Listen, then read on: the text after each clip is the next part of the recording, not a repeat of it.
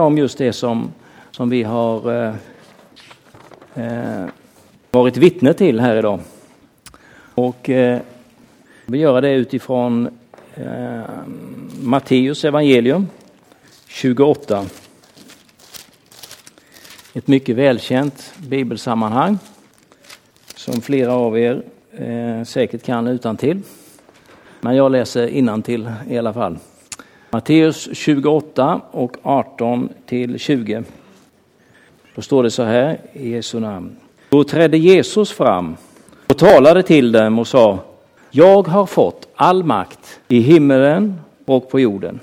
Gå därför ut och gör alla folk till lärjungar. Döp dem i Faderns och Sonens och den helige Andes namn och lär dem att hålla allt vad jag har befallt er och se, jag är med er alla dagar in till tidens slut. Amen, vi ber. Tackar dig Jesus Kristus Herre för eh, den här dagen, glädjens dag. Tackar dig för Alma som har fått synligt visa att hon vill följa dig Jesus Kristus och låta döpa sig. Tackar dig för ditt ord också som talar om att eh, vi ska döpa människor och göra folk till lärjungar. Välsigna ditt eget ord på våra hjärtan i denna stund. I Jesu namn. Amen. Strax innan det här så har Jesus eh, sagt till sina lärjungar att eh, gå till Galileen, upp till ett visst berg, så ska jag eh, möta er där och berätta någonting för er. Så det här som vi läste här nu, det är ett bestämt möte som Jesus har med lärjungarna strax innan han återvänder till Faderns högra sida så ger han dem det här som vi eh, kallar missionsbefallningen, eller arbetsorden, instruktionerna, sammanfattningen. Så här skall ni göra. Eh, och det står alldeles i slutet av, utav eh, Matteus evangeliet. Det står i lite olika tappningar i Markus och i Lukas också. Så det brukar vara så här att det viktigaste, det säger man precis innan man lämnar. Kom ihåg det här gör det här. Han säger det till sina lärjungar.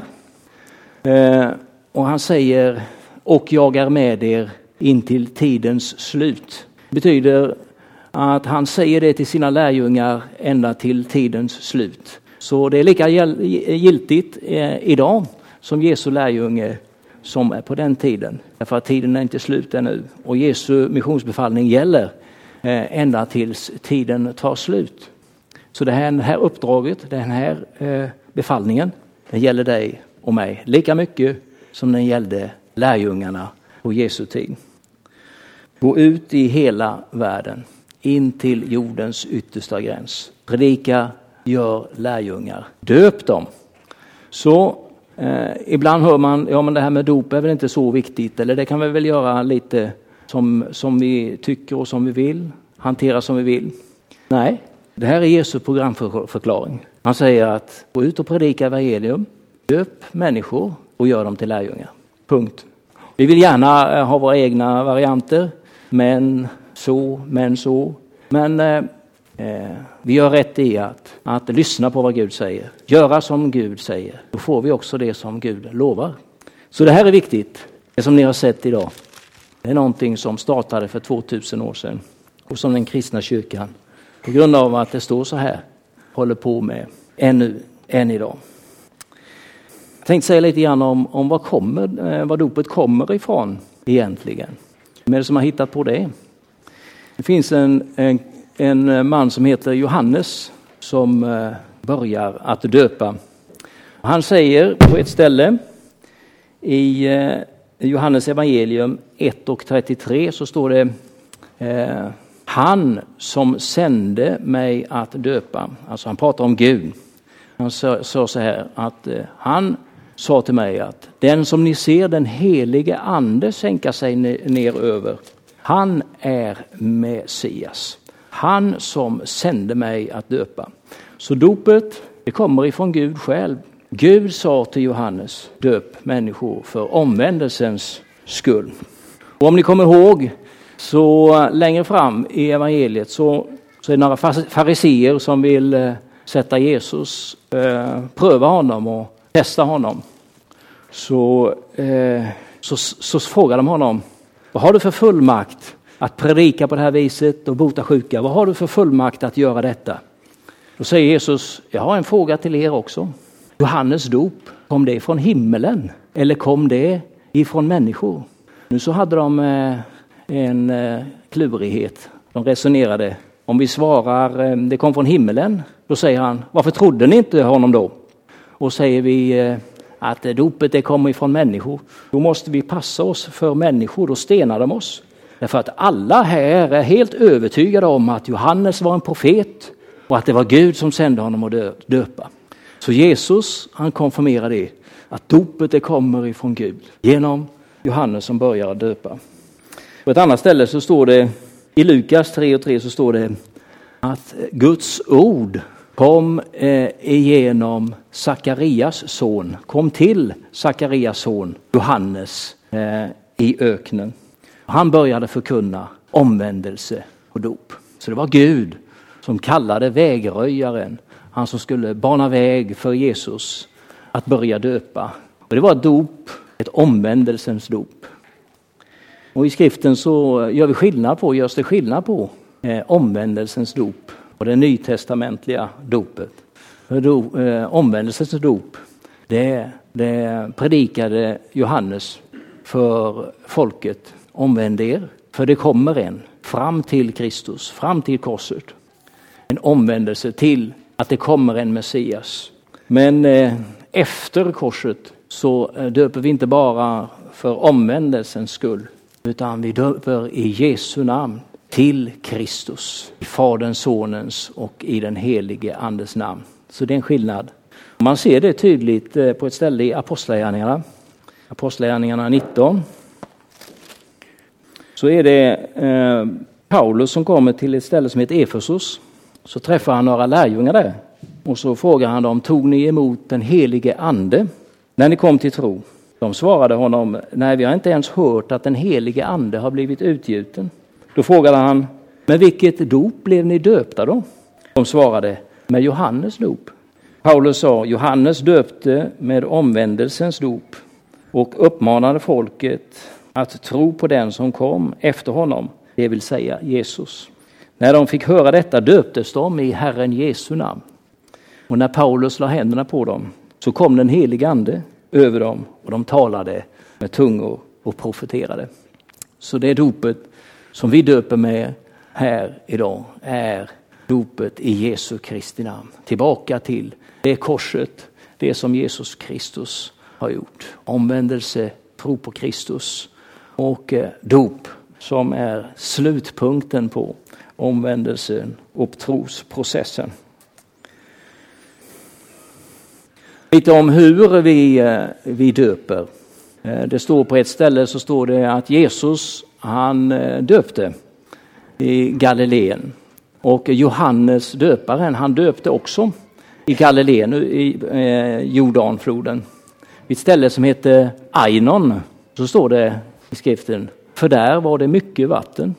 Så det behövdes mycket vatten för att döpa. Och när Bibeln talar och nämner om dop, då är det det grekiska ordet som, eh, som eh, lyder baptismo. Betydelsen av det är att doppa, nedsänka, eh, så att vatten slår över. Det går inte att översätta det ordet på något annat sätt. Det finns lite olika doptraditioner och min uppgift är inte att springa omkring i alla andra kyrkor och tala om hur jag ser på eh, dopet. Men eh, jag, fri, eh, jag predikar frimodigt det som jag ser i skriften. För mig är det viktigt att eh, lyda skriften. Det är jätteviktigt för mig. Och eh, betydelsen utav dopet, vi ska se på det lite längre fram, eh, får också, Bibelns undervisning om dopet får också sin förklaring och eh, sin välsignelse sitt djup i utförandet med nedsänkning. Vem är det som döper? Det är eh, församlingen. Därför att eh, dopet det hör samman i missionsbefallningen att göra lärjungar. Så det hänger ihop med undervisning och att eh, fortsätta att undervisa. Så dopet det sker första pingstdagen. 3000 kommer till tro när Petrus undervisar tillsammans med de elva. och så omvänder de sig, kommer till tro, låter döpa sig och så står det att den dagen ökade församlingens lemmar. Församlingen ökade med inemot 3000 människor.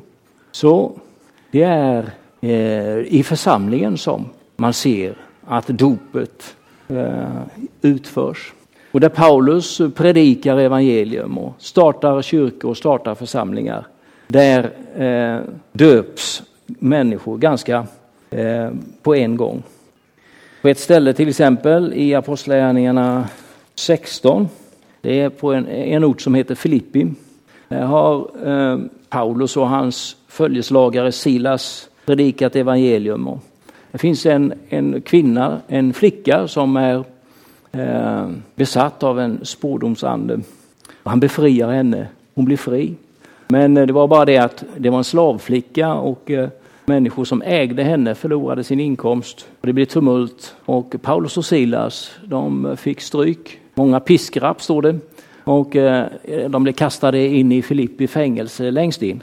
I stocken satt de. Och där satt de och eh, lovsjöng Gud. Hör och häpna. Där prisade de Gud mitt i natten. Och eh, i den lovprisningen så kommer Gud och befriar dem. Fängelsedörrarna öppnas Eh, det här stocken som de sitter i och handfängsel och allting, det bara eh, ramlar av. Eh, fängelsechefen där, han tänder och springer in och eh, eh, han eh, drar svärdet för han tänker alla har flytt. Han håller på att begå självmord. Paulus ropar till honom. Du kan läsa om det här i Apostlagärningarna 16. Gör det inget ont, vi är kvar allesammans. Och han han springer in där och faller ner eh, för Paulus och Silas och säger helt spontant, vad ska jag göra för att bli frälst? Vad ska jag göra för att bli räddad? Ja, då säger Paulus att, att eh, tro på Herren Jesus så blir du frälst, du och din familj. Och sen så predikar de evangelium för honom och för alla i hans familj. Redan vid denna tid på natten tog fångvaktaren dem med sig och tvättade deras sår. Och han och de som hörde till hans familj döptes genast. Så i evangeliets eh, början, i församlingens början, så gick det inte lång tid emellan det att människor kom till tro till dess att de också döptes. Omvändelse, tro och dop det hängde ihop som en, som en process där dopet var själva slutpunkten på själva tron och omvändelsen. Ehm, så gjorde man i evangeliets början. Människor kom till tro samma natt. Paulus står det att han eh, döptes tredje dagen och det var länge i evangeliet. Nu har vi mer av undervisning för att människor ska förstå vad dopets innebörd. Det kan vara så här också att, att människor kanske var mer belästa i eh, skrifterna på den här tiden. Jag vet inte. Men eh, i evangeliets början så hängde dopet ihop med själva omvändelsen och tro. Dopets innebörd är en synlig handling på det som redan har skett. Det som redan har skett på insidan av tro och omvändelse, det manifesteras i dopet. Här i kyrkan så har, vi kallar inte det här, här kallar vi inte dopbassäng utan vi kallar det dopgrav. Ja. Och det gör vi därför att Bibeln eh, förklarar innebörden av dopet genom en begravning. I Romarbrevet eh, 6 och 1 så står det att, eh, att vi begraver den gamla människan. Så dopets utförande är också viktigt för förståelsen av innebörden. Man begraver det gamla livet och uppstår igen till ett liv med Kristus. Och Kristus är föregångaren för oss. Så som han, så skall också vi. Så det är inte oviktigt enligt min mening. Det är en sån oerhörd välsignelse i att eh, Gud säger att det gamla är över. Det gamla livet som du har. Det är många här som inte är stolta över allting i vår historia, eller? Eller är det bara jag? Nej. I eh, evangeliet så finns det en begravning där det gamla livet är förlåtet och begravt. Och den som är i Kristus, står det på ett ställe, är en ny skapelse. Se det gamla är förgånget, Något nytt har kommit. Det där manifesteras i dopet. Den gamla människan begravs och man står upp till en ny skapelse i Kristus. På ett ställe i eh, Galaterbrevet, jag ska läsa det innantill. Står det om att man i dopet, vi läser det här, Galaterbrevet 3 och 27. Alla ni som har blivit döpta till Kristus har blivit iklädda Kristus. Så dopet, eh, dopets eh, innebörd och förklaring är inte bara en begravning utan det är också en identifikation. Man är klädd i Kristus, iklädd, påklädd Kristus, identifierad i Kristus. Det finns mer utav eh, eh, bilder för att förklara dopets innebörd. Identifierad med Kristus, Kristus och jag. Ni vet att ehm, det finns en, eh, en bild av förening. Kristus och jag, vi blir eh, ett. Och den starkaste bilden i Bibeln utav eh, förening, det är just med Kristus. Och när, eh, när man förklarar det så pratar man också om äktenskapet. Det är alltså en förbundshandling. Två parter, oberoende av varandra, fri vilja, ingår en förening. Så är äktenskapet. Så när Eva och jag gifte oss för snart fem år sedan så kom hon med sitt och jag kom med mitt. Och eh, Sveriges rikes lag säger att eh, nu är civilståndet annorlunda. Nu är det inte singel Magnus, ogift Eva, utan nu är vi också per juridik en förening. Så eh, det är inte mina grejer längre, eller Evas grejer. Det är våra grejer. Rent lagligt, rent juridiskt är det så. Så i morse förmiddag så sa Eva till mig så här, kan jag få låna din bil? Vad sa jag då? Det är inte min bil, det är ju din bil också. Ja, jag förstod vad hon menade. Skulle, skulle, jag, skulle jag ha den nu eller så? Men, men jag är inne i det här. Ja. Det är inte min bil längre, utan det är vår bil. Därför att vi är förenade med varandra i ett förbund. Och så är bilden också utav dopet. Det är inte längre jag och Kristus där borta, utan nu är vi ett. En förbundshandling. Nu är det inte Alma själv, utan hon har skrivit under kontraktet i en offentlig handling här idag i Pingstkyrkan så har hon ingått förbund med Kristus själv. Och det var någon som sa Halleluja! För det här är häftigt. Detta är starkt. Dopet är viktigt. Det är programförklaringen av hur vi ska utbreda Guds rike, hur församlingen ska byggas, hur lärjungar ska tränas. Är dopet centralt. Och det är starkt. Grattis! Yes, det är du och Jesus. Och tanken med äktenskapet står det, det var ju så här att, att eh, det Gud fogar samman. Därför att Gud är med också i det förbundet äktenskap. Det ska inte människor skilja åt. Så var det från början, säger skriften om äktenskap. Och så var det från början eh, för oss människor. Vi var tänkta att vi skulle leva i en stark förening med Gud. Så kom synden in och separerade oss. Och så har vi en skada. Men i Kristus och i dopet, i tron, omvändelsen och dopet, så förenas vi med Kristus igen och börjar att komma tillbaka till det som vi är designade och skapade för. En förbundsgemenskap med Gud själv i Kristus. Så dopet är en invigning i lärjungaskap och församlingsgemenskap. Tron och dopet ger också välsignelsen av att ta emot den helige ande som en gåva. Nu sker det inte alltid i den ordningen att man omvänder sig, kommer till tro, låter döpa sig och blir fylld av helig ande. Eh, det står till exempel står det i Apostlagärningarna 10 om eh, när Petrus kommer till Cornelis hus och, och predikar om, om Kristus. Eh, och det är första gången som han predikar för icke-judar. Johannesdopet var bara för judar. Men Kristusdopet det är för alla människor in till jordens yttersta gräns. Så här sker det första gången. Och när de hör evangeliet i tro så blir de fyllda av helig ande. Och då säger eh, Petrus, de har ju fått den heliga ande som gåva precis som vi. Vad är det som hindrar att de döps? Den erfarenheten har jag också av människor som kommer till tro och uppleva den helige ande. Så kan de låta döpa sig sen. Men tron, omvändelsen och dopet ger välsignelsen av att få ett liv uppfyllt av den helige ande. Dopet ger också en segerposition emot synden. Du är i förbund med Gud. Och när den här slibbiga rösten säger någonting i ditt öra att vad du har hittat på, skäms du inte, du har gjort det där och det här. Hur kan du säga jag är begraven, det gamla livet är begravt. Jag har uppstått i ett nytt liv tillsammans med Kristus. Det är en styrka, det är en segerposition. Att ha en in, eh, ingått ett förbund med Gud. Rent synligt, du vet att du har blivit blöt. Du vet att du har blivit äh, döpt. Det är en segerposition emot det som vill dra ner dig i äh, självfördömelse och så här. Vi möter det många gånger. Tack Jesus Kristus för dopet säger jag. Mm. Du kanske är här som, som funderar på det här med dopet, dopets innebörd. Det är bra att göra det.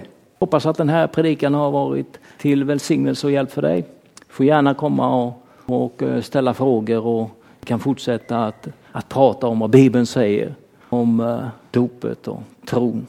Du kanske är här som inte ens har en tro på Jesus. Du kan få bli frälst idag. Ta emot honom, syndernas förlåtelse och börja ta första steget på vandringen tillsammans med Gud.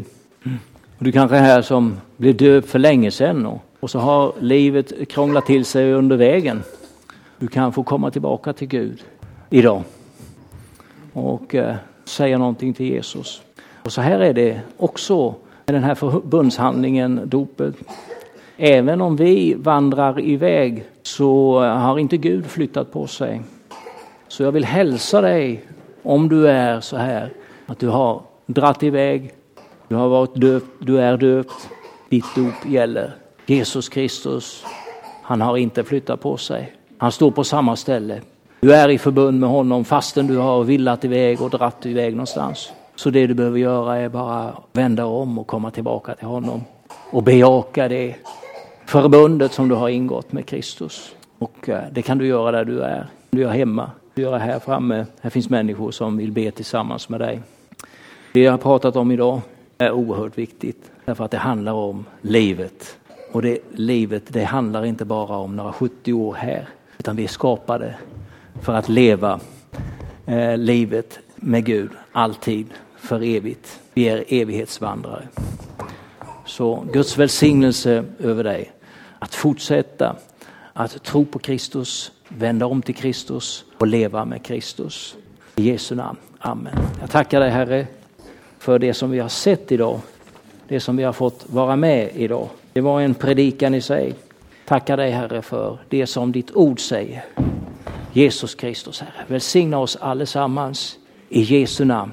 Till att göra bra, att göra rätt val i det här livet. Att leva med dig, att välja dig och att lyda dig. I Jesu namn. Amen.